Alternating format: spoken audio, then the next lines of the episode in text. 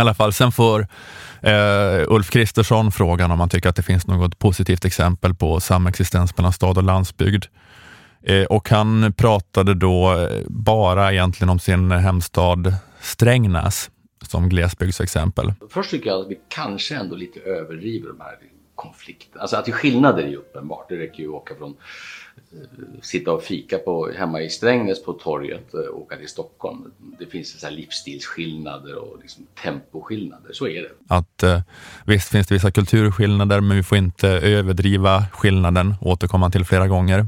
Likheterna är fler än skillnaderna. Men jag tror likheterna är trots allt större än skillnaderna, det skulle jag säga. De flesta människor har, har, ändå, var, har ändå så många egna erfarenheter av olika ställen.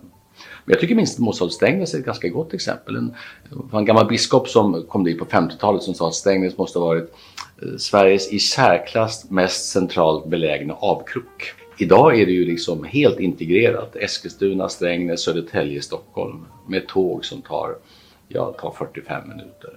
Ja, det, här var bara liksom eh, en liten del av det, men han pratade liksom bara på om, om Strängnäs under det här mm. segmentet. Men det är bara märkligt att när Ulf Kristersson ska prata om glesbygd och glesbygdens förutsättningar så pratar han bara om en kommun som typ ligger i Stockholm. Mm.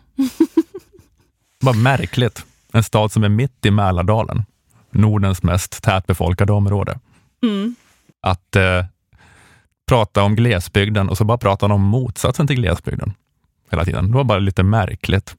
Det är, ingen, det är ingen raffinerad poäng här. Det är bara. Det var för att han var tvungen att ha ett positivt exempel. Och de var tvungna att ta någonting som bara är ett järnvägsstation från Stockholm. Ja. Annars skulle det inte gå att säga något positivt.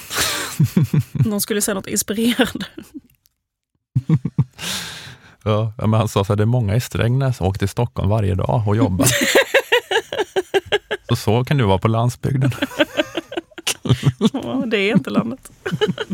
Det är så jävla lustigt det här med landsbygden. att alla som bor där jobbar i Stockholm. det är väldigt många i min lilla småstad Strängnäs som är varje dag i Stockholm och arbetar. Så att egentligen tror jag att det är mycket mer både och. Sen kanske det är så att en del är klassiska, att det finns ju förutsättningar på landsbygden som är annorlunda.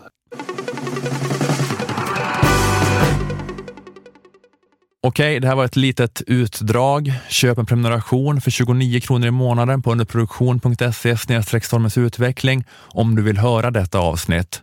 Plus alla tidigare prenumerantavsnitt, plus alla kommande. På underproduktion finns också instruktioner om hur du lägger in prenumerationsfeeden av Stormens utveckling i din poddapp, vilket är att föredra för smidigt lyssnande, även om det såklart går att lyssna direkt på webben också.